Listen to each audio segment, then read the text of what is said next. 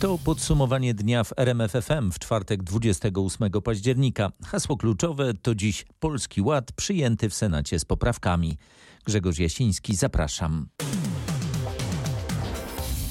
Polski Ład przyjęty przez Senat z wieloma poprawkami. Ta podatkowa rewolucja to flagowy projekt rządu Prawa i Sprawiedliwości. Pakiet ustaw wróci teraz do Sejmu. W Senacie za ustawami z poprawkami głosowało 49 osób, 4 były przeciw, 46 się wstrzymało. Poprawek jest bardzo wiele. Po pierwsze, Senat chce wydłużyć wakacje legis tak, by zmiany w ramach Polskiego Ładu weszły w życie dopiero w 2023 roku, a nie w 2022. Po drugie, dodał zapisy, które mają zrekompensować samorządom mniejsze wpływy z podatków. To jest wielokrotnie krytykowany również przez samorządowców element pakietu ustaw, który dzisiaj wyszedł z Izby Wyższej. Podstawy podatkowej rewolucji nadal niezmienne. To przede wszystkim podniesienie kwoty wolnej od podatku do 30 tysięcy złotych, próg podatkowy podniesiony z 85 na 120 tysięcy, a także zlikwidowanie możliwości odpisania od podatku składki zdrowotnej. Nowelizacje zwane Polskim Ładem wracają teraz do Sejmu. Posłowie zdecydują, czy te poprawki Senatu znajdą się w ostatecznej wersji. Zrobią to najpewniej już jutro, bo rządowi bardzo zależy na czasie. Premier deklarował, że prace skończą się do końca listopada, a ustawy musi jeszcze podpisać prezydent. Podsumowywał Paweł Balinowski. 63 osoby wywiozła Straż Graniczna na granicę z Białorusią, realizując obowiązujące od dwóch dni nowe przepisy pozwalające cofać imigrantów, którzy nielegalnie weszli na terytorium naszego kraju. Minionej doby zapobieżono 537 próbom wtargnięcia przez zieloną granicę do Polski. Strażnicy wykorzystują już nowelizację, która w praktyce legalizuje tak zwane pushbacki. Decyzje w sprawie cudzoziemców podejmowali komendanci straży. Te osoby nielegalnie weszły do Polski i były doprowadzone przez funkcjonariuszy do linii granicy, poinformowała rzeczniczka tej formacji Anna Michalska. Nie mam informacji, czy były tam rodziny z dziećmi. Były to osoby, które nie chciały ochrony międzynarodowej w Polsce. I były to wszystkie osoby, które były w dobrym stanie zdrowia. Z kolei policja poinformowała, że minionej doby poza strefą obowiązywania stanu wyjątkowego zatrzymała 120 imigrantów. W sumie od mniej więcej dwóch miesięcy w całym kraju w ręce policji wpadło 3800 osób, które nielegalnie przedostały się do Polski. Relacjonował Krzysztof Zasada. Skali tego, co dzieje się w strefie kryzysu humanitarnego nikt nie zna. Mówił w popołudniowej rozmowie w RMFFM Marcin Sośniak z Biura Rzecznika Praw Obywatelskich. Dodał, że ludzie, którzy przekraczają granice są w dramatycznej sytuacji. Nie da się nie być przerażonym e, z momentem, w którym e, spotyka się wycieńczonych ludzi po wielodniowej czy też ponadtygodniowej wędrówce e, przez las czasem po wielokrotnych zawróceniach, e, głodnych, zmarzniętych, e, po dramatycznych przeprawach przecież przez bardzo trudny odcinek granicy, przez, przez Puszczę Białowieską i okolice.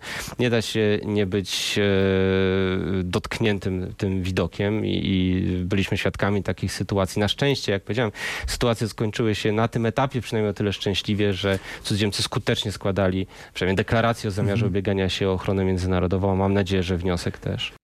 Całą rozmowę Piotra Salaka z Marcinem Sośniakiem polecamy na rmf24.pl. Sejmowa większość będzie chciała odrzucenia wszystkich zmian, które Senat wprowadził do specustawy o budowie muru granicznego. Opozycja chciała większej kontroli nad procesem stawiania zapory, ale te propozycje trafią najpewniej do kosza. Zapewne tak, bo według PiSu i rządu doprowadzą one tylko do opóźnień w budowie muru. Wiceminister obrony Wojciech Skurkiewicz przekonywał, że specustawa w rządowym kształcie i bez poprawek jest najlepszym rozwiązaniem. Daje gwarancję szybkiego przystąpienia do realizacji zadania. Mało tego, jestem przekonany, że to będzie jedna z najnowocześniejszych instalacji tego typu w Europie. Platforma Obywatelska, Lewica i część ludowców chcieliby wyrzucenia ustawy do kosza w całości. Opozycja wytyka, że budowa muru na granicy będzie odbywała się bez przetargów i bez kontroli. Koszt to 1,5 miliarda złotych. Zaporę stawiają też Litwini. Komisja Europejska zastanawia się, czy nie pomóc w finansowaniu obu tych inwestycji. Informuje Roch Kowalski. Chcemy umieścić w tym planie wyraźne zobowiązanie dotyczące likwidacji Izby Dyscyplinarnej, zakończenia lub reformy reżimu dyscyplinarnego i rozpoczęcia procesu przywracania sędziów, powiedziała przewodnicząca Komisji Europejskiej Ursula von der Leyen, pytana w Brukseli o polski Krajowy Plan Odbudowy. Co konkretnie oznacza ta wypowiedź? Szefowa Komisji Europejskiej potwierdziła moje informacje o powiązaniu sprawy wczorajszego postanowienia o karze wysokości miliona euro dziennie z Krajowym Planem Odbudowy. W obu przypadkach chodzi o likwidację Izby Dyscyplinarnej. Po raz pierwszy jednak oficjalnie Komisja Europejska powiedziała, że chce wpisania do polskiego Krajowego Planu Odbudowy zobowiązania w tej sprawie i właśnie na tym mógłby polegać kompromis. Polskie władze wpisałyby do KPO konkretny kalendarz likwidacji Izby Dyscyplinarnej i przywracania do pracy sędziów odsuniętych od orzekania. Komisja mogłaby następnie sprawdzać wykonanie tego kalendarza, zatwierdzając kolejne transze z KPO. Premier Mateusz Morawiecki zapowiedział niedawno w wywiadzie likwidację Izby Dyscyplinarnej do końca tego roku. Informuje nasza dziennikarka Katarzyna Szymańska-Borginą. Państwo polskie nie może ulegać bezprawiu, tak mówi minister sprawiedliwości Zbigniew Ziobro w reakcji na wczorajszą decyzję TSUE. Podejdźmy do tego ze spokojem, to jest pewien element presji, tylko słabi ulegają presji róbmy swoje, reformujmy wymiar sprawiedliwości i dbajmy o praworządność Unii Europejskiej, dbajmy też o standardy Unii Europejskiej, które wymagają tego, aby prawo było wszędzie takie same i tak samo egzekwowane. Zbigniew Ziobro podkreślił, że ani kary w tej sprawie, ani w sprawie kopalni Turów Polska nie powinna płacić. Polska Krajowa Rada Sądownictwa wyrzucona z Europejskiej Sieci Rad Sądownictwa. Decyzja zapadła dziś na specjalnym posiedzeniu w Wilnie. Za wykluczeniem KRS oddano 86 głosów, wstrzymujących się tylko 6. Jak argumentowano te decyzje? Jako główny zarzut wymieniono brak niezależności od władzy politycznej w Polsce. Według zarządu Europejskiej Sieci Rad Sądownictwa, który wnioskował o wykluczenie polskiej KRS, sposób wyboru sędziów do Rady nie gwarantuje takiej niezależności, a to jest warunek członkostwa w sieci. Kolejnym powodem miały być też silne związki z ministrem sprawiedliwości. Wniosek złożono w maju ubiegłego roku, głosowanie opóźniało się jednak z powodu pandemii. Od 2018 roku członkostwo polskiej KRS w sieci było zawieszone. Wtedy zarząd wyrażał nadzieję, że Polska zmieni zasadę wyboru sędziów. Skutki dzisiejszej decyzji są dla Polski głównie prestiżowe. Europejska sieć rad sądownictwa zrzesza rady z 20 krajów, zajmuje się sprawami sędziów, dba o niezależność sądownictwa i promuje reformy wymiaru sprawiedliwości. Jak się okazuje, promuje reformy nie wszędzie. Informował o tym nasz dziennikarz Paweł Balinowski. Mamy niestety kolejny rekord tej fali pandemii. 8378 zakażeń koronawirusem potwierdzono ostatniej doby. Zmarło 101 osób. Najwięcej zakażeń już tradycyjnie na Mazowszu 1673, ale sytuacja jest trudniejsza w województwie lubelskim. Tu potwierdzono ostatniej doby 1485 zakażeń.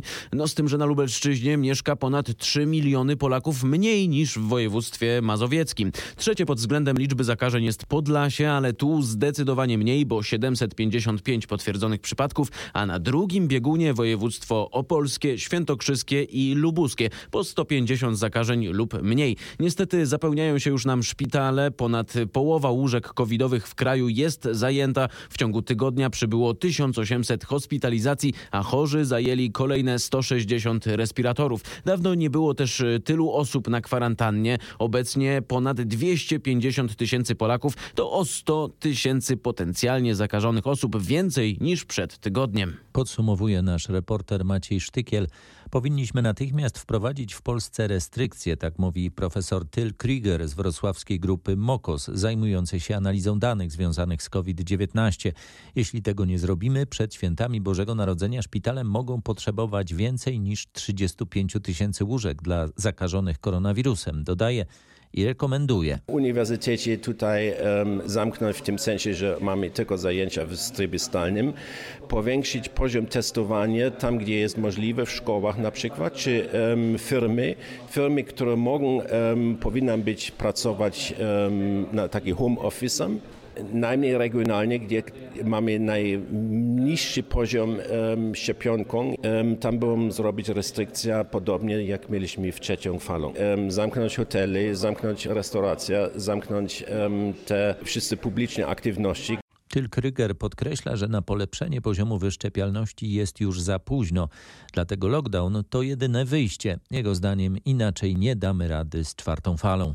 Coraz więcej covidowych łóżek na Lubelszczyźnie. Już jest ich ponad 1300. W ciągu najbliższych dni przybędzie ich co najmniej kilkadziesiąt. W Międzyrzecu Podlaskim o 6 łóżek, 30 łóżek w Puławach, w tym dwa respiratorowe. 33 łóżka w szpitalu wojewódzkim w Chełmie. W tej chwili przygotowywane są kolejne polecenia. One mogą nawet dotyczyć piątku, czyli jutro.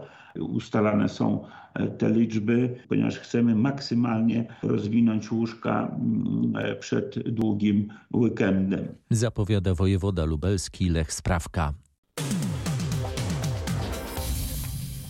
Rośnie liczba mandatów za brak masek ochronnych na twarzach w Śląskiem. To efekty kontroli prowadzonych przez tamtejszą policję. Policjanci sprawdzają m.in. sklepy, środki komunikacji miejskiej czy banki. Często są także w takie miejsca wzywani z prośbą o interwencję. Dziennie ile wystawiacie mandatów na przykład za brak maski? E, codziennie ta liczba jest oczywiście inna, natomiast e, kształtuje się ona na poziomie kilkuset mandatów e, wystawianych praktycznie, można powiedzieć, codziennie za właśnie brak, brak maseczki, brak zasłaniania twarzy właśnie u różnych osób, które są w miejscach, które taki nakaz właśnie obowiązuje, czyli przede wszystkim i tego rzeczywiście odnotowujemy najwięcej w różnego rodzaju placówkach handlowych, wielkogabarytowych sklepach, galeriach handlowych. Z Adamem Jachimczakiem ze Śląskiej Policji rozmawiał Marcin Buczek. Przypominamy, brak maseczki na twarzy może kosztować nawet 500 zł. Pokowidowy kryzys edukacyjny wśród dzieci z trudnych środowisk. Stowarzyszenie Dom Aniołów Stróżów, które opiekuje się takimi dziećmi w Katowicach, Chorzowie i Sosnowcu, organizuje korepetycje dla swoich wychowanków.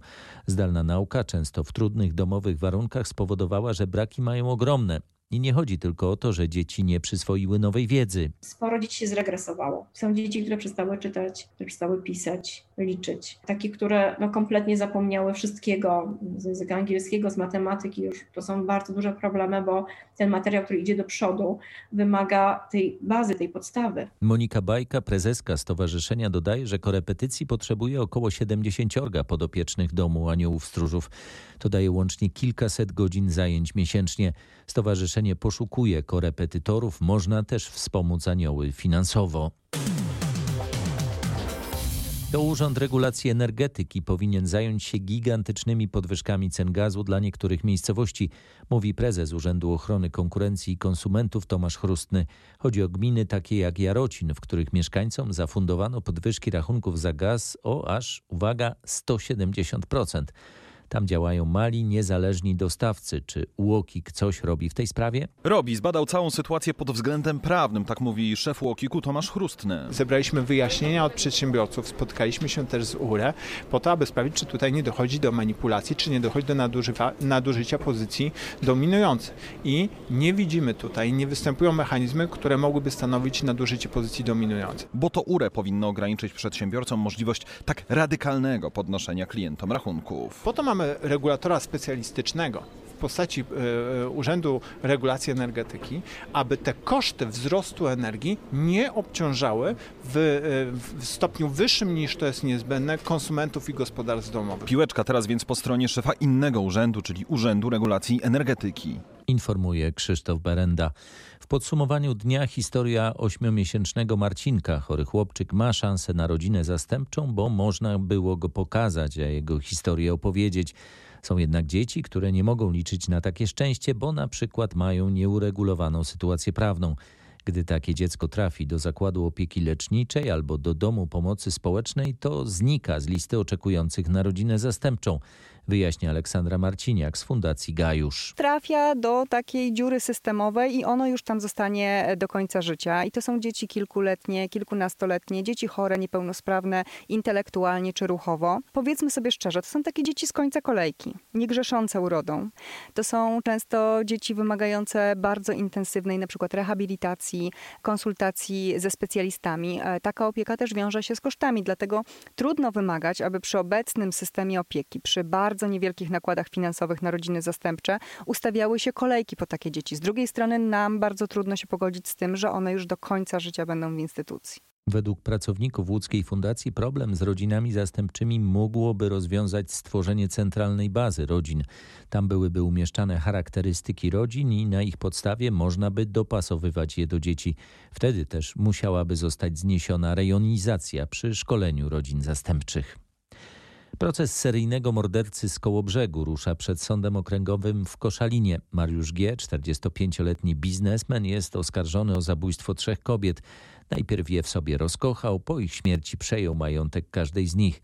Na ławie oskarżonych zasiadło więcej osób. Oprócz Mariusza G., nazywanego krwawym tulipanem, przed sądem stanęły osoby, które mu pomagały zacierać ślady morderstw i przejmować majątek ofiar. To kobieta z Koszalina, ślub z którą uniemożliwiło jego aresztowanie, dwie kobiety, które u notariusza podawały się za ofiary zabójcy oraz mężczyzna, który ukrywał samochód jednej z zabitych. Według śledczych pierwsza z kobiet, z którą tulipan był w związku, zginęła od ciosów siekierą w 2016 roku. Ostatnią zamordował trzy lata później. Mężczyzna przeprosił rodziny swoich ofiar, twierdzi, że nie planował zbrodni, a cudzysłów jedynie tracił nad sobą panowanie w trakcie kłótni. Grozi mu dożywocie. Informuje nasza reporterka Aneta Łuczkowska. Kolejnych 24 lekarzy złożyło wypowiedzenia w dziecięcym szpitalu specjalistycznym w Krakowie Prokocimiu. W sumie z pracy w tej placówce odejdzie 48 osób. O tym, co to oznacza dla pacjentów, Marek Wiosło. Odejście w sumie 48 pracowników spowoduje paraliż prawie wszystkich szpitalnych oddziałów. Przedstawicielstwo w tym szpitalu Ogólnopolskiego Związku Zawodowego lekarzy wysłało list otwarty m.in. do ministra zdrowia i NFZ-u. Lekarze domagają się lepszych warunków pracy i zmian systemowych. Część lekarzy z pracy odejdzie z początkiem stycznia, kolejni z początkiem lutego. Nie będzie jednak paraliżu SOR-u. Dyrekcja placówki nie zgodziła się na to, by lekarze odebrali od listopada zaległe urlopy. Nowych pracowników poszukuje powstające Wielkopolskie Centrum Zdrowia Dziecka. Potrzebni są lekarze, rehabilitanci i fizjoterapeuci. Zapotrzebowanie na większą liczbę pracowników wiąże się z przenosinami do nowo wybudowanej siedziby przy ulicy Wrzoska w Poznaniu. Jacy specjaliści mogą liczyć na zatrudnienie w placówce? Jeśli chodzi o lekarzy, poszukiwani są anestezjolodzy, kardiolodzy, chirurdzy oraz pediatrzy. Potrzebni są też rehabilitanci i fizjoterapeuci. Zupełnie nowymi oddziałami w WCZD będzie oddział rehabilitacji dziecięcej. On się przenosi z Kieksza. Do tej pory nie był w naszych strukturach, także dla nas to będzie nowy oddział. Na pewno będziemy tam potrzebować nowej kadry. Informuje rzeczniczka Wielkopolskiego Centrum Zdrowia Dziecka Urszula Łaszyńska. Nabór personelu już trwa. Ogłoszenia na stronach są zamieszczone. Staramy się pozyskać już teraz ludzi wcześniej. Szpital dziecięcy w Poznaniu z trzech dotychczasowych lokalizacji wyprowadzi się najprawdopodobniej wiosną. Zapowiada nasz reporter Mateusz Chłystun.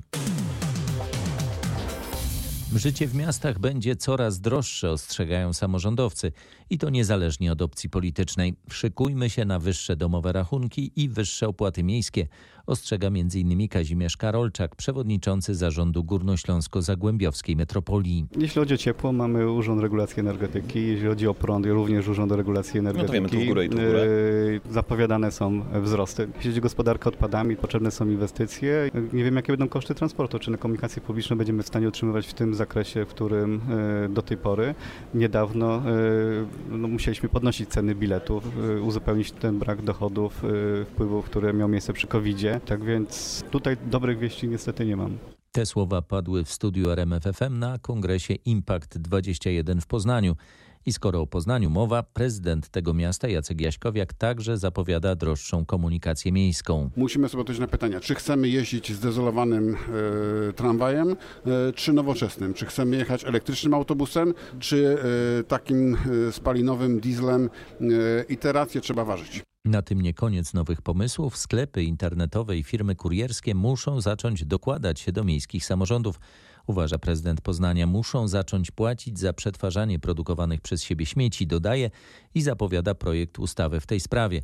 Podczas poznańskiego kongresu z prezydentem Jaśkowiakiem rozmawiał Krzysztof Berenda. Jak prezydent Poznania to uzasadnia?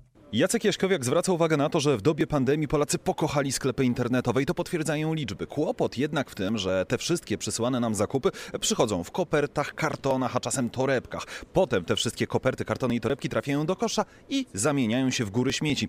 Prezydent Jaśkowiak przekonuje, że sklepy internetowe i dostawcy powinni za utylizację tych śmieci płacić. Jeżeli będą te firmy musiały za to płacić, to będą szukały rozwiązań takich właśnie wielorazowych opakowań e, i, i, i tutaj zmian w tym obszarze. Prezydent Poznania razem z innymi samorządowcami szukuje projekt ustawy w tej sprawie i na przykład z 8 zł za dostawę paczki aż 6 zł miałoby iść na opłatę na śmieci. Podsumowuje Krzysztof Berenda. Wymiana starych kotłów grzewczych na terenie Małopolski jest za wolna w obecnym tempie, może potrwać nawet 20 lat. Wysokie ceny węgla, a także jego braki mogą być początkiem poważnych problemów. Od początku tego roku w Małopolsce złożono 12 tysięcy wniosków o dofinansowanie na wymianę starych kotów. Wymieniono ponad 4 tysiące. Tempo takich wymian jest zbyt wolne, a drożejące ceny paliw stałych, a nawet braki w dostawie węgla mogą być początkiem poważniejszych problemów ze smogiem przez najbliższe lata. Tempo wymiany musi być jeszcze szybsze. Rosnące ceny węgla absolutnie nie mogą usprawiedliwiać takiego zachowania jak spalanie śmieci. Węgiel nie jest odpowiedzią na bezpieczeństwo energetyczne. Mówiła Anna Dworakowska z Polskiego Alarmu Smogowego. Zakaz ogrzewania węglem i drewnem od 2019 roku obowiązuje tylko w Krakowie. W kolejnych siedmiu gminach w regionie zacznie obowiązywać od 2030 roku. Marek Wiosło informuje też, że już prawie tysiąc wraków samochodowych usunięto z ulic Krakowa od początku tego roku. Usuwanie starych, porzuconych samochodów nie należy do najłatwiejszych zadań.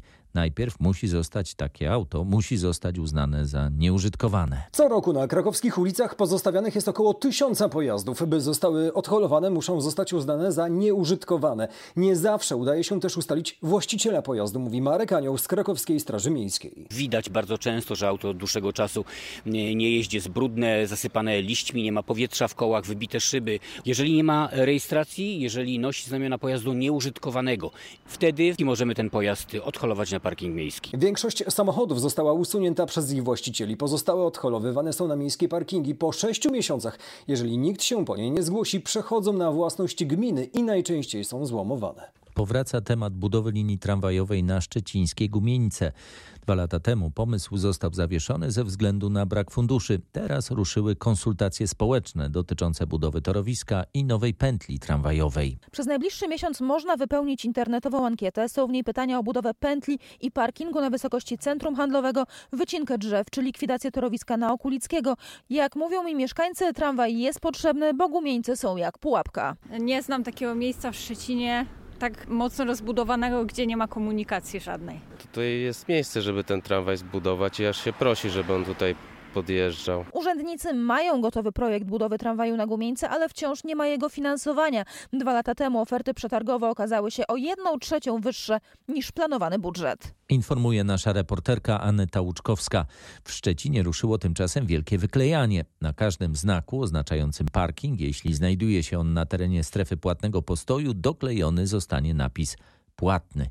Ma to rozwiać wątpliwości kierowców, czy w tym miejscu muszą szukać parkomatu, czy też auto może stać za darmo, mówi Wojciech Jachim, rzecznik strefy płatnego parkowania w Szczecinie. Postanowiliśmy uzupełnić to oznakowanie właśnie o ten napis, po to, żeby kierowcy, którzy wjeżdżają do strefy płatnego parkowania, a zwłaszcza ci, którzy robią to rzadko, na przykład goście z zewnątrz naszego miasta, żeby ułatwić im orientację, że znajdują się, czy chcą skorzystać z miejsc postojowych płatnych. Chcemy po prostu do, zrobić dopisek na każdym takim znaku, który znajduje się w strefie płatnego parkowania. O liczbie tych znaków przekonamy się tak naprawdę dopiero, kiedy zakończymy naszą operację.